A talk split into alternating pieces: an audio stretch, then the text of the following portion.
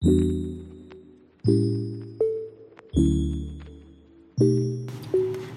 gue Hadijah Dan gue Anissa dan kalian lagi dengerin podcast UI Sehat Mental 3.0. Hai listeners, kalian pasti pernah deh mengalami kondisi yang membuat kalian harus memulai sesuatu yang baru atau mencapai suatu mimpi yang berada di luar zona nyaman kalian. Kalau ada di posisi itu, apa sih yang lo pikirin atau lo rasain gitu? Biasanya nih kalau lagi mau memulai sesuatu yang baru atau mencoba hal-hal baru itu biasanya dipenuhi sama keraguan sama diri sendiri. Jadi kayak ngebayangin nih kalau nanti mungkin gue bakal gagal, mungkin kelihatan bodoh, mungkin juga bakal malu-maluin diri sendiri. Ada juga rasa takut kalau akhirnya bisa jadi lost gitu loh. Dan akhirnya berapa kali kepikiran untuk mundur dan mikirnya yaudah deh nanti aja kayaknya gue belum siap.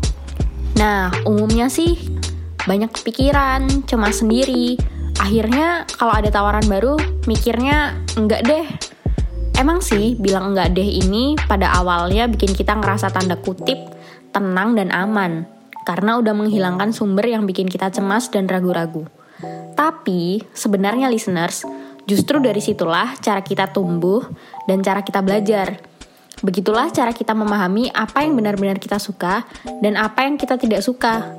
Begitulah cara kita menjadi lebih baik meski harus berhadapan dengan perasaan yang tidak nyaman. Tapi ya listeners, kayak yang gue bilang tadi nih, walaupun yang namanya berhadapan dengan hal-hal baru itu bisa menimbulkan rasa takut, rasa cemas, kita juga harus berhadapan dengan rasa sulit dan banyak ketidakpastian, tapi percaya deh, imbalan yang kita peroleh saat kita sampai di sisi lain itu jauh lebih besar daripada resikonya. Bener banget. Contohnya ya, sebuah penelitian menunjukkan bahwa orang yang mencoba hal-hal baru adalah mereka yang menjalani kehidupan yang paling bahagia dan paling sehat. Dalam artian gini, sama seperti angkat beban dan latihan fisik membangun otot kita, saat kita sedang mempelajari sesuatu yang baru, sel saraf di otak kita akan berkembang dengan latihan mental. Neuron-neuron di otak kita akan mengembangkan konektivitas yang lebih besar. Simpelnya, otak kita dirangsang untuk terus semakin canggih lah istilahnya. Jadi, manfaat banget buat perkembangan kognitif kita. Sebenarnya Nis, selain itu, kadang dengan kita mencoba dan mempelajari hal-hal baru itu seperti membuka pintu kesempatan yang lebih luas. Iya, kita mungkin selama ini meremehkan diri sendiri, bahkan tanda kutip menyabotase nih potensi kita. Misalnya kayak kita punya potensi tapi malah dipendem, malah nggak diasah. Dan uh, padahal setelah kita nyoba, kita malah jadinya bersyukur banget nggak menyerah di awal. Karena kita nggak tahu sebenarnya kesempatan ini bisa terlewati begitu aja kalau kita udah nyerah duluan. Dengan mencoba hal-hal baru, kita kayak memasukkan otak kita ke dalam situasi unik nih yang memaksa kita untuk benar-benar mikir. Nah, ini tuh bisa merangsang kreativitas kita dan kita jadi bisa memikirkan segala sesuatu dengan cara atau sudut pandang baru dan tentunya lebih luas lagi. Bener juga ya. Kenapa sebagian besar orang lebih berani buat ngelawan rasa takut dan ragu untuk mencoba hal baru? Jadi gini nih, orang tuh ada dua tipe. Yang punya fixed mindset sama yang punya growth mindset yang tipe pertama nih, orang yang punya fixed mindset, kayak namanya, itu mandang dirinya tuh udah fix aja, nggak bisa berkembang. Udah terlahir begini ya begini aja. Makanya kalau ada challenge untuk melakukan hal yang baru tuh serasa mendapat ancaman dan mereka tuh nggak senang kalau diusik ke kenyamanannya.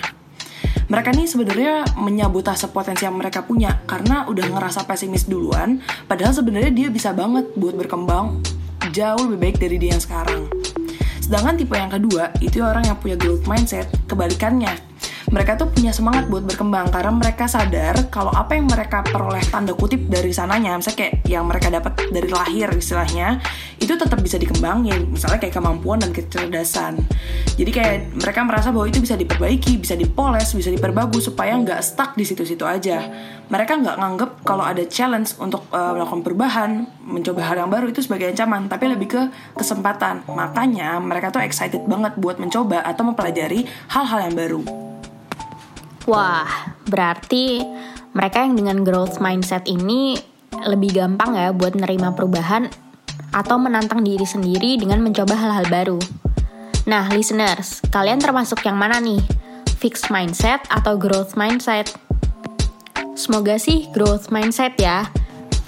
mau rekomendasiin juga nih kalau ada listeners yang kepo pengen tahu lebih dalam tentang fixed mindset dan growth mindset ini bisa banget baca buku judulnya Mindset karya Carol Dweck tenang aja bukunya ini uh, gampang untuk dipahamin bahasanya bahkan sama orang yang nggak belajar psikologi sekalipun Oh ya nih, ngomong-ngomong nih, yang namanya nge-challenge diri sendiri untuk memulai sesuatu yang baru tuh kan gampang diomongin, tapi susah buat dilakuin kan.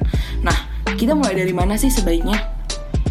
Di psikologi itu, kita tahu yang namanya self-fulfilling prophecy, yaitu ketika kita berekspektasi atau memiliki keyakinan tentang peristiwa masa depan, dan kemudian jadi benar-benar terwujud, karena kita berpegang teguh sama ekspektasi atau keyakinan itu.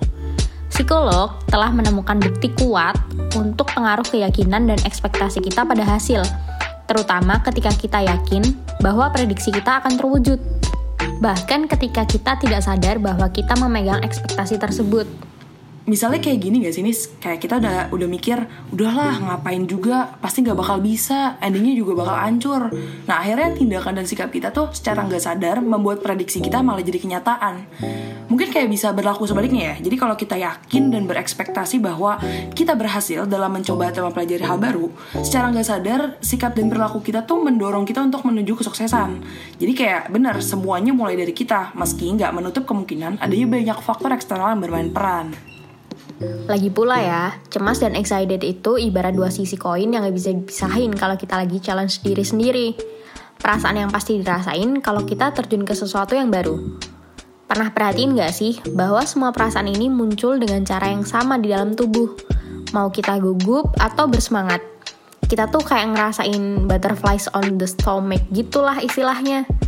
Terus telapak tangan berkeringat, tangan mulai gemetar, dan kaki kita berkedut Rasanya ada energi dan adrenalin mengalir melalui pembuluh darah kita.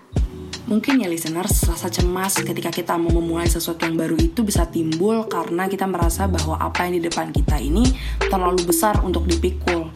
Jadi mulai deh habis itu pikiran kita berkelana ke masa depan mikirin kemungkinan-kemungkinan buruk kok mungkin akan gagal mungkin akan kacau mungkin akan malu-maluin diri sendiri mungkin akan terlihat bodoh dan banyak pikiran-pikiran buruk lainnya Nah yang kayak gini nih sebaiknya dikontrol. Jadi kalau kepikiran kita udah kelewat jauh di masa depan, coba tarik balikin lagi ke masa kini dan coba mulai melakukan sesuatu. Mulai aja dulu dari hal-hal yang kecil. Jadi kalau kita ngerasa bahwa goal kita terlalu besar, itu coba dibikin, dipecahin, di breakdown lagi jadi langkah-langkah kecil yang bisa kita kontrol. Nah gak usah buru-buru deh untuk sampai ke garis finish, tapi kita nikmatin aja setiap langkah dan prosesnya. Yang seperti ini nih bisa jadi salah satu cara kita untuk membumikan pikiran kita untuk tetap berada di saat ini, here and now. Jadi listeners, buat kalian yang masih ragu buat memulai sesuatu yang baru, entah itu mau merintis bisnis, mau menguasai suatu skill, mau mencapai suatu goal yang dirasa masih jauh banget, dan sulit untuk memulai karena banyak kepikiran ini dan itu, kita ngerti kok kalau permulaan tuh biasanya jadi bagian yang paling sulit. Mungkin kita harus berhadapan sama rasa nggak nyaman di awal, tapi yakin deh, sesuatu yang lebih worth it bakal kita raih kalau kita mau berhenti ragu sama diri sendiri dan mau mencoba memulai. Intinya listeners, gak usah terlalu banyak mikirin hal-hal yang belum ada di depan mata kita. Singkirin ragu dan overthinkingnya, kita mulai aja dulu nikmatin prosesnya meski awalnya nggak sempurna, meski harus jatuh bangun, meski harus ngelewatin pengalaman yang kurang menyenangkan bahkan memalukan.